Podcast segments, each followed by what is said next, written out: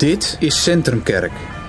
Een cursus missionair leven en kerk zijn vanuit het hart van het evangelie. Gebaseerd op het gelijknamige boek van Tim Keller.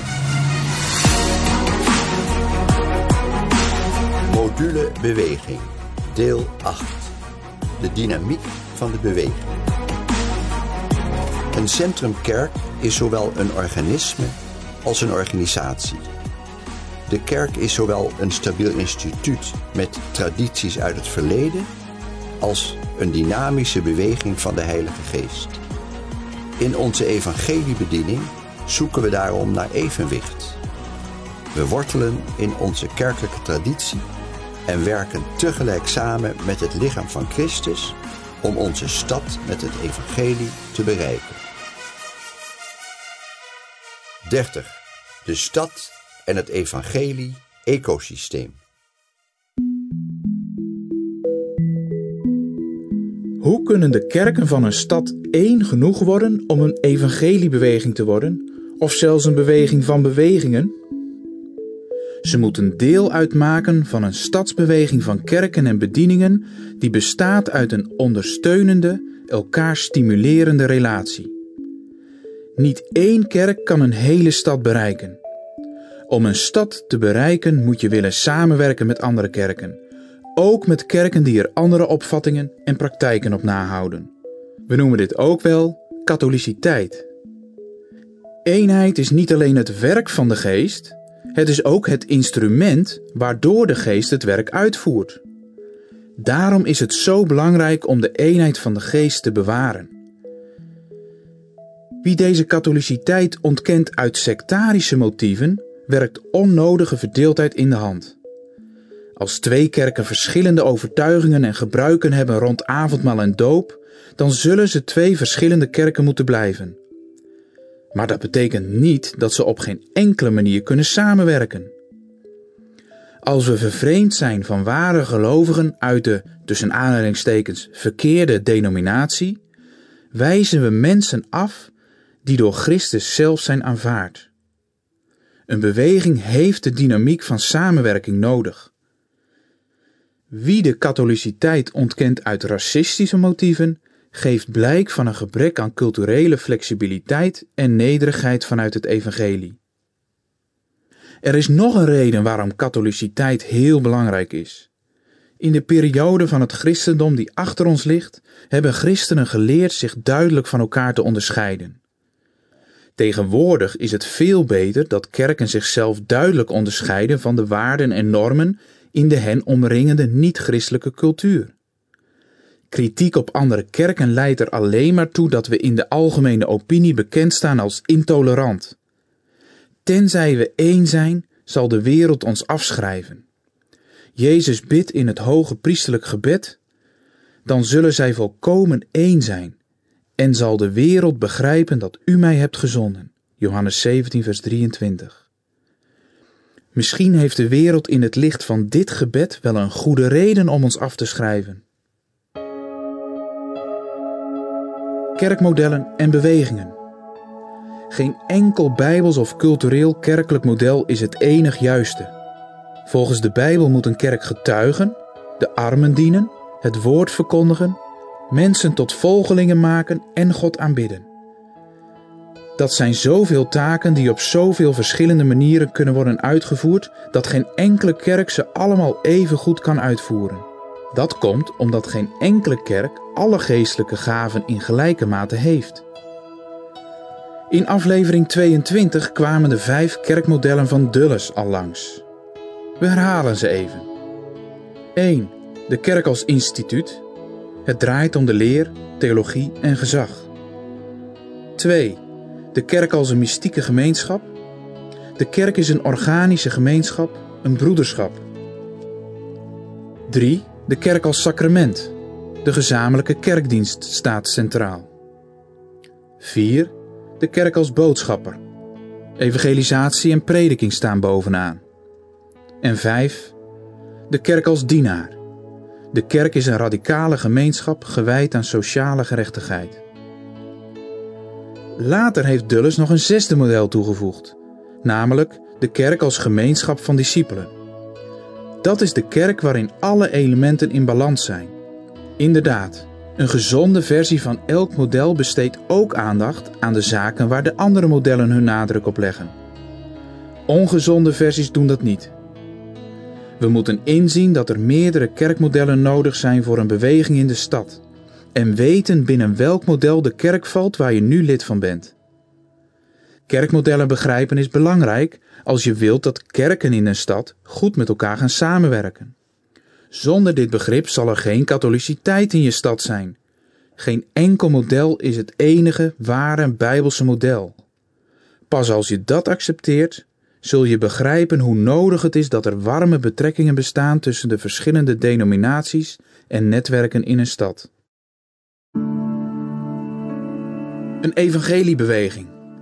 Om een hele stad te bereiken met het evangelie heb je meer nodig dan een aantal effectieve kerken of een sterke vernieuwingsgolf met nieuwe gelovigen.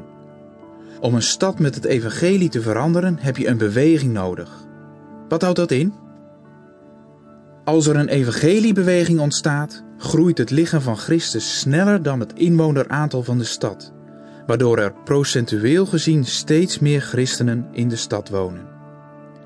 Tim Keller noemt dit een beweging omdat de energie ervan in meerdere denominaties en netwerken tegelijk te merken is. Deze energie is dus niet beperkt tot één bepaalde kerk. Het is een organische beweging die zichzelf voortplant. De beweging komt voort uit verschillende krachten die op elkaar inwerken, elkaar ondersteunen, versterken en stimuleren. Je zou het een ecosysteem voor het evangelie kunnen noemen.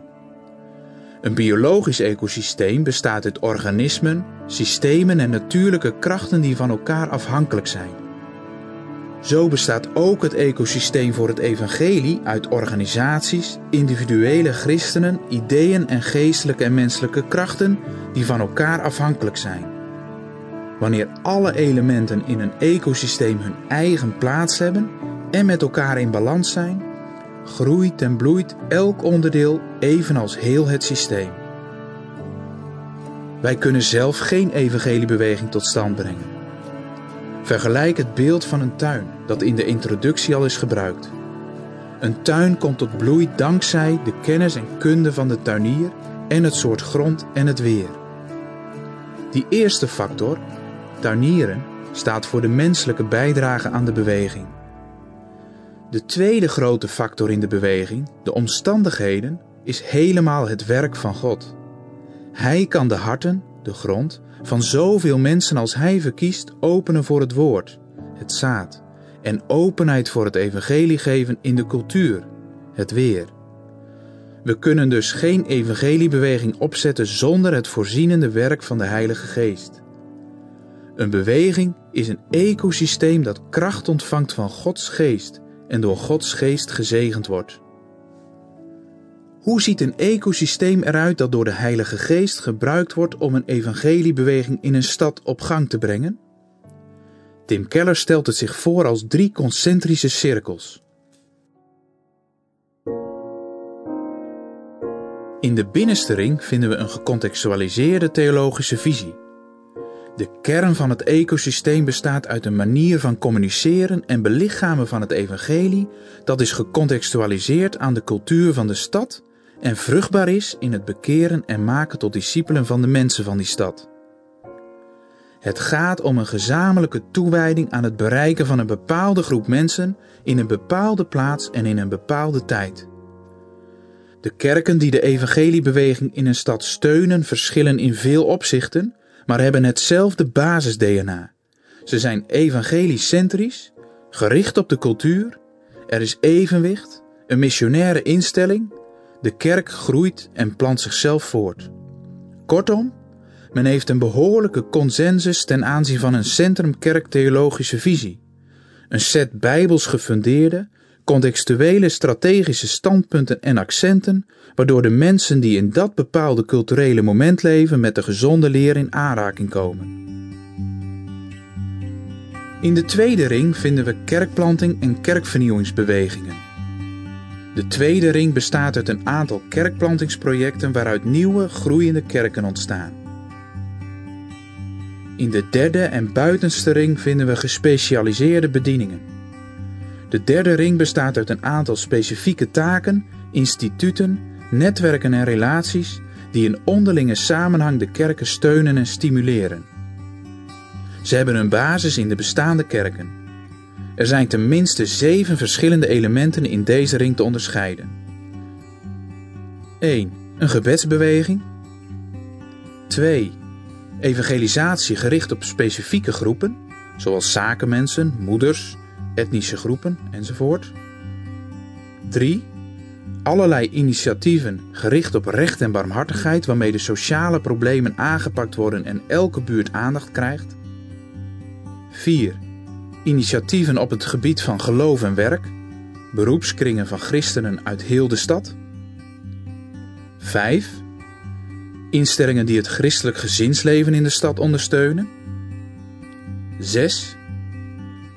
Een structuur om leiders voor de stadskerken aan te trekken, te onderwijzen en te trainen.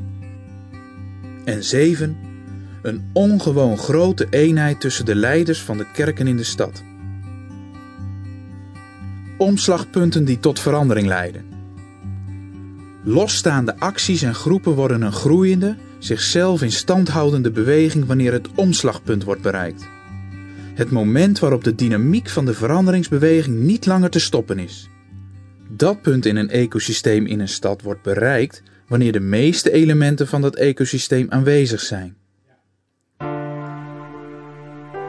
De volgende stap in de groei van de beweging is het omslagpunt voor heel de stad. Dat punt wordt bereikt wanneer het aantal christenen dat leeft naar het evangelie in de stad zo groot wordt dat hun invloed op het openbare en sociale leven herkenbaar en erkend wordt. Stel je eens voor wat er zou gebeuren als er in bijvoorbeeld Amsterdam zoveel gelovigen zouden zijn dat de meeste inwoners een christen zouden kennen die ze kunnen respecteren. De sterke barrières waardoor de meeste stadsbewoners niet ontvankelijk zijn voor de boodschap van het christelijke geloof, zouden afgebroken worden. Tienduizenden zielen zouden gered kunnen worden. Hoe waarschijnlijk is het dat een evangeliebeweging in een stad zo sterk wordt dat het omslagpunt voor heel de stad bereikt wordt?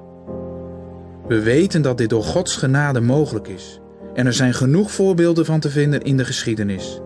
We weten echter nog niet wat er zou gebeuren wanneer een stad die veel invloed heeft op de cultuur in onze wereld 10% of meer evangeliebeleidende christenen zou kennen die sleutelposities innemen in de kunsten, wetenschappen, onderwijs en de zakenwereld terwijl ze hun macht, geld en invloed inzetten voor het welzijn van mensen aan de rand van de samenleving. Elke stad in de wereld heeft Jezus Christus nodig. Maar onze steden hebben niet zomaar een paar extra kerken nodig, hier en daar een bediening. Ze hebben evangeliebewegingen nodig die voor een omslagpunt in de stad zorgen. Daarom zetten de voorgangers in een stad enthousiast en met overgave hun leven in voor deze doelen ook al zullen ze mogelijk de resultaten ervan niet zien tijdens hun leven. Terwijl we met een vol vertrouwen en met geduld uitzien, blijven we onze visie volgen om te zien dat onze steden geliefd en bereikt worden voor de glorie van Christus. Dit was de laatste aflevering.